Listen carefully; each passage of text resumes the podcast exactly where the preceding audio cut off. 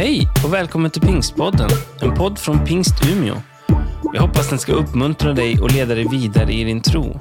För att få mer information om Pingst Umeå och allt som händer i kyrkan, gå in på umia.pingst.se eller följ oss på Instagram och Facebook, at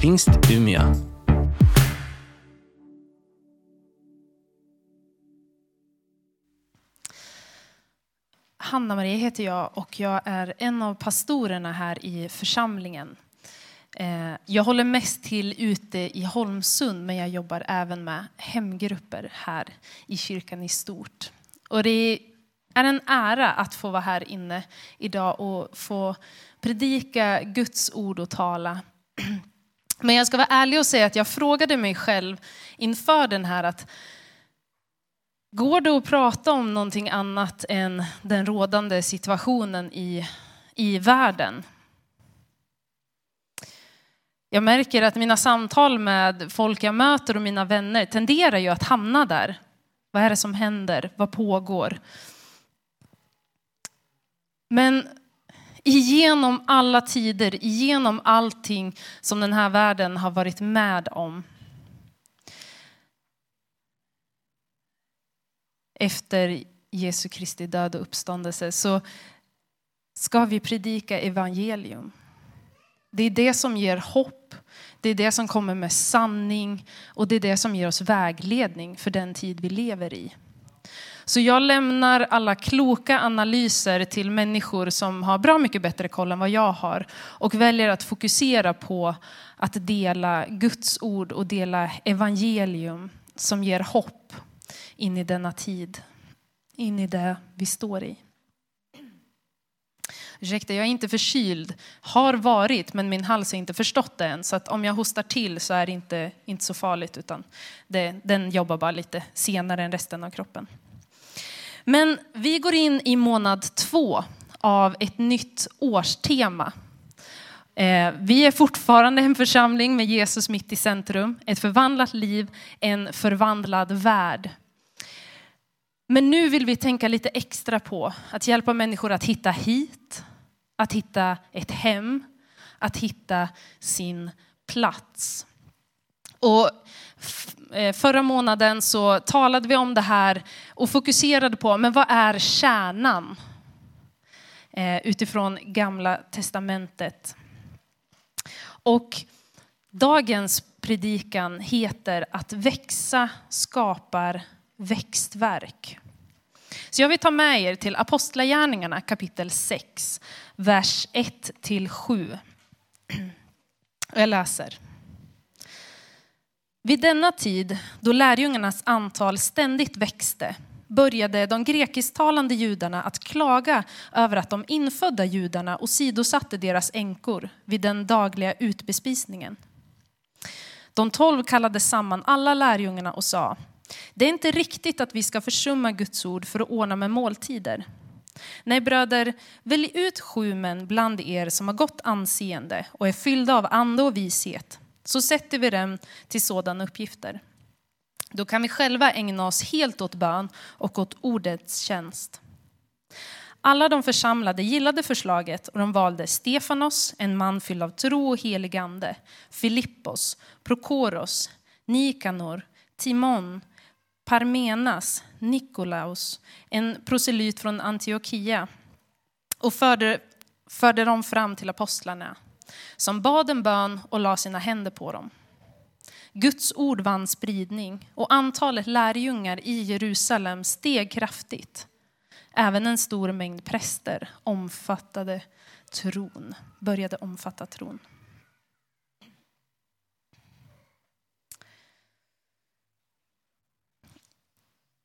Jag vet inte om ni minns eh, hur det var när ni var små, men man kommer ju i ett skede där man växer. Och det kan göra ganska ont att växa, den här växtverken. Jag vet inte om ni minns den, men jag har någon så svag minnesbild av eh, en hel del gråtande och svårt att sova för att det gjorde så ont. Eh, och att växa är inte alltid bekvämt. Och just, just den här bilden av barn som växer i sin kropp eh, hittar vi inte direkt i Bibeln. Men däremot så talar Bibeln om det här på ett annat sätt. I Johannes evangelium kapitel 15 och 2, då finns den här bilden fast i form av ett träd. Där står det, varje gren som bär frukt ansar han så att den bär mer frukt. Och jag tänker att det här beskriver samma sak. Att någonting, för att det ska komma mer frukt så behöver man beskära lite. Eh, och det bildar ju ett litet sår i grenen som sen får läka och när det läker så kan det som är kvar växa sig ännu starkare och ännu bättre. Det skaver, det gör nog lite ont på samma sätt som den här ondheten när man har växtverk faktiskt leder till någonting gott. Men det här är ett koncept som, som jag har haft ganska svårt att anamma som barn. Det, när man är liten och det gör ont, det finns ju liksom ingen så här, hur kan det här vara gott? Ta bort det som gör ont. Det här kan ju inte vara positivt. Fast det faktiskt är det för att det hjälper kroppen att utvecklas, att bli större och starkare. Och jag skulle vilja säga att det, det här växandet, det är vad som håller på att hända här i församlingen i Jerusalem. Församlingen är i en tid av tillväxt. Har vi läst kapitlerna innan, ja, men då har vi ju sett att de har växt ganska snabbt. De är flera tusen. Och så kommer den här delen. Fler och fler människor kommer till tro. Och de rutiner som man hade ställt upp för hur församlingen skulle verka och fungera, de, de fyller inte längre sin funktion. Man hinner inte med. Folk börjar klaga för att man märker att men det här funkar inte. Ni hinner ju inte med.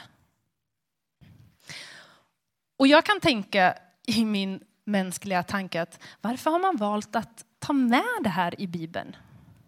Liksom, när man ska sätta upp så här, låt oss berätta om den första församlingen, den som ni alla vill eftersträva att vara. Det var lite kaos, men den växte.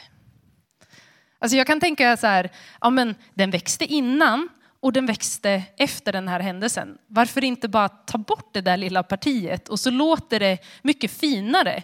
Det låter som att det var frid och fröjd eh, och det var bara positivt.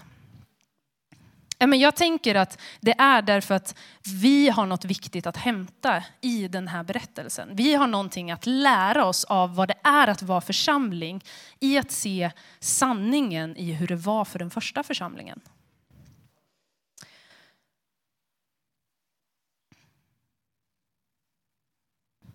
Och vad är det då som vi läser om och som vi ser?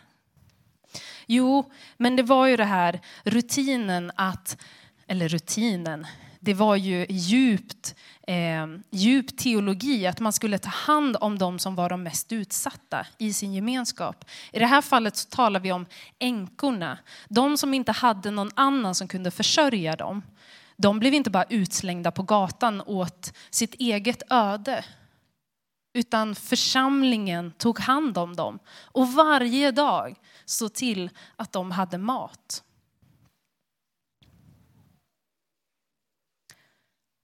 Man tar hand om de som är de mest utsatta.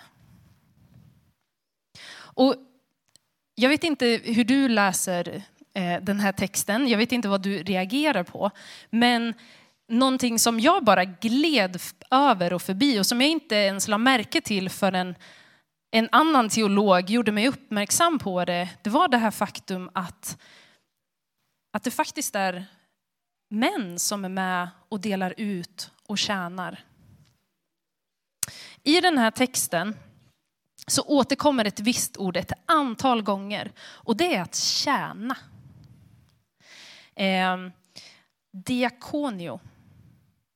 Förlåt, jag vet inte om jag uttalar helt korrekt, men det ordet. Och det ordet återkommer här i texten flera gånger, eller ord som är väldigt närbesläktade med det ordet, men som fyller samma funktion, att tjäna och att betjäna. I vers 1 hittar vi det i den svenska översättningen utbespisning. I vers 2 att ordna med måltider. När det står om ordets tjänst, alla de här orden har med samma ord att tjäna. Och om vi tänker på den, den rådande kulturen som är när det här skrivs, då är det stort att det är män som är med och tjänar. För det var det här som teologen W.H. Bayer gjorde mig uppmärksam på. Det är att för en grekisk man så var tjänandet ingen, det hade ingen hög status. Ett talesätt som liksom inrymmer det grekiska tankesättet, det var hur kan en man vara lycklig om han måste tjäna någonting? Om han måste tjäna någon, förlåt. Och det här innefattar liksom det rådande tankesättet. Och det här bara, när, när jag fick det här uppmärksammat för mig, då får den här texten ett så mycket större djup.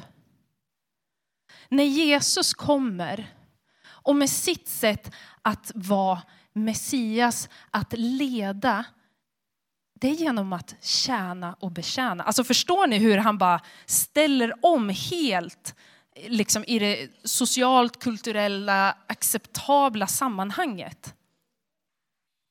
Jesus gör så att liksom ändrar på den kulturella hierarkin. Ja, men den som är ledare här, han är med och tjänar andra. Han är med och tjänar de som är de mest socialt utsatta i gemenskapen. Det är stort. Det gör Jesus. Det är den modellen han sätter upp för sina ledare. Det är den modellen som, som ledarskapet här följer. Och det är det som skiljer kristet ledarskap och kommer alltid skilja kristet ledarskap från övrigt ledarskap. Den som är störst, det är inte den som sitter på en tron och så alla andra bara gör allt annat utan kristet ledarskap handlar om att vara med och tjäna och betjäna.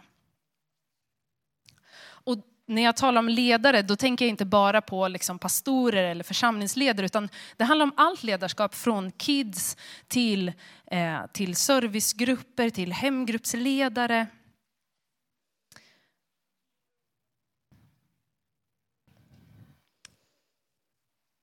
Det är stort.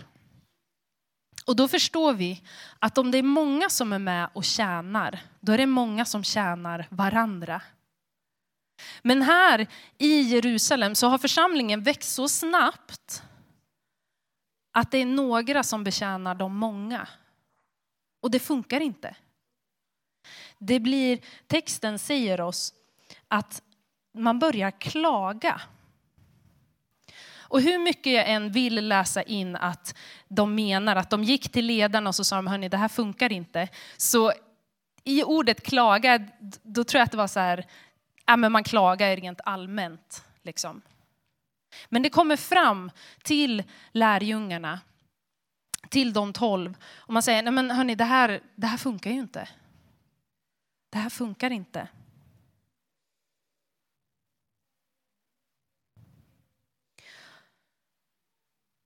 Och så ser man över, man samtalar och säger, att men det går inte att två saker försummas. Både utbespisningen men också att undervisa i Guds ord. Och så gör de den här uppdelningen att okej, okay, men vi behöver bli fler. Och så tittar man på den här gruppen och så utser man folk från den gruppen som har klagat.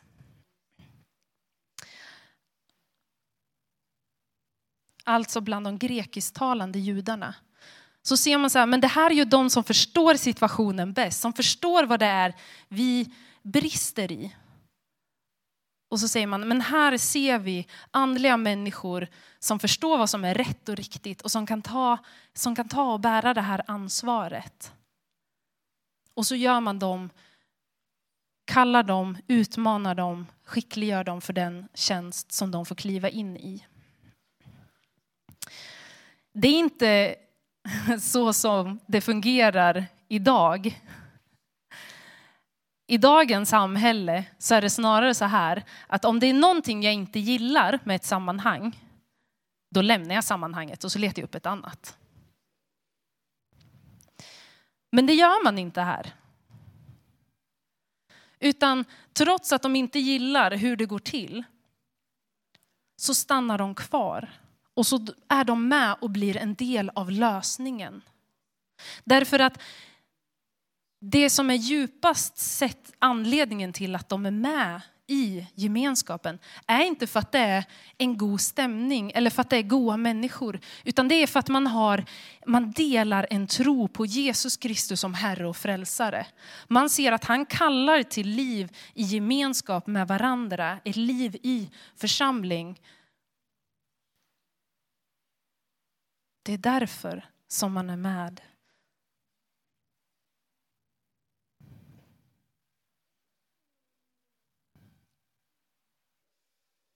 Deras varför går alltså djupare än sociala kontakter. Det bottnar sig i att vi är kallade till att dela gemenskap med varandra. Att bära varandras bördor. Och tillsammans som församling visa samhället, visa världen vem Jesus är genom vårt sätt att se andra människor, att möta människor och deras behov och ta hand om varandra och andra människor. Den första församlingen var en grupp med ofullständiga människor som är bristfälliga och som felar. Precis så som vi är idag. Jag tror ingen av oss gör anspråk på att vara perfekt.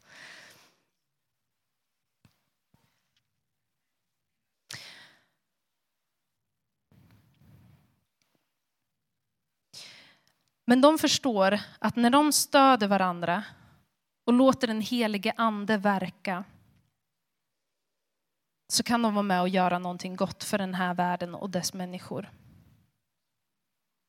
Men det här fungerar bara när vi förstår att när vi växer, när det tillkommer fler och fler människor, när gemenskapen blir större, då kommer man behöva ändra på rutiner. Då kommer saker som har fungerat i alla tider kanske inte längre fungera. Och då kan jag tänka så här, eftersom att jag är så duktig på att vara efterklok. Nu har vi ju, vi har ju sett sammanhanget, då är det lätt att tänka, varför, varför förberedde de inte för det här? Varför hade de inte redan sedan tidigare tillfrågat folk att kan du kliva in och vara med i det här? Jo, men det är ju för att jag står ju på andra sidan och blickar tillbaka. Men hur ska man veta det när man står mitt i det? Man kan inte se alla potentiella utgångar och vad som ska hända. Där, där måste vi ha nåd med varandra.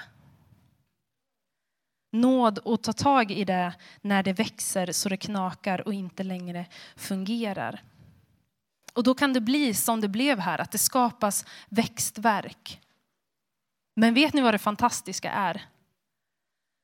Att när de har tagit itu med det, man har pratat, då står det Guds ord vann spridning. Och antalet lärjungar i Jerusalem steg kraftigt. Det var inte farligt. Att de klagade ledde inte till någon splittring eller till någon undergång, utan det ledde till att man kunde lösa det och Guds ord vann spridning och fler människor fick ta emot evangelium. Och min bön är att i den här församlingen, när vi växer, när vi blir fler, när vi nu ska tillbaka in efter pandemin och så upptäcker vi att vi har tappat en massa rutiner och det här funkar inte längre, så är min bön att vi tillsammans ska vara med och bära det här. Att vi tillsammans bygger en kyrka, en församling så att varje person kan hitta sitt hem här. Kan hitta sin plats här hos oss.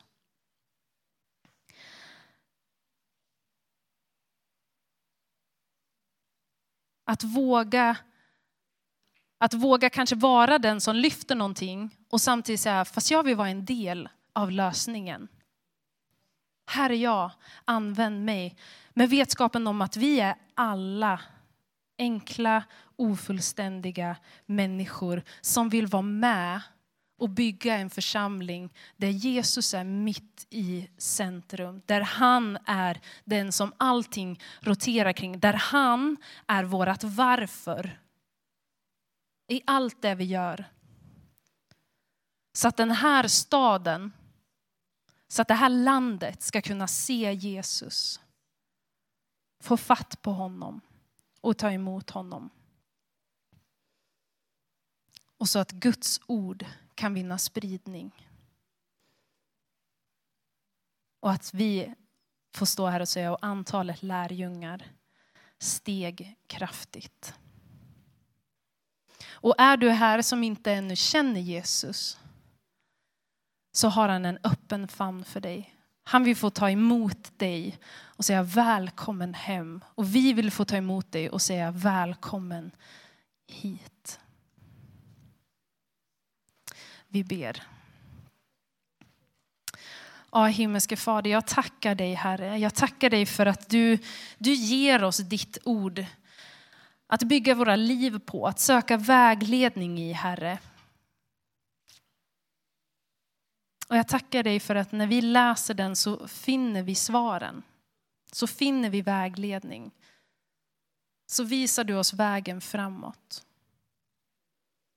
Herre, jag tackar dig för att du, du vill så mycket för den här församlingen, för det är din församling. Och likväl som du ser oss som gemenskap så ser du varje individ som har investerat av sitt liv och sin tid för att vara med och bygga ditt rike här i Umeå. Och Herre, bygga din församling här i Umeå. Och Herre, jag bara ber om din välsignelse över den människan. Du ser vad, vad orden som jag har sagt väcker för tankar inom oss var och en. Och jag tackar dig för att du möter oss i det. Att du möter med oss var och en, för du har en god tanke och en plan för var och en av oss. I Jesu underbara namn jag ber. Amen. Amen.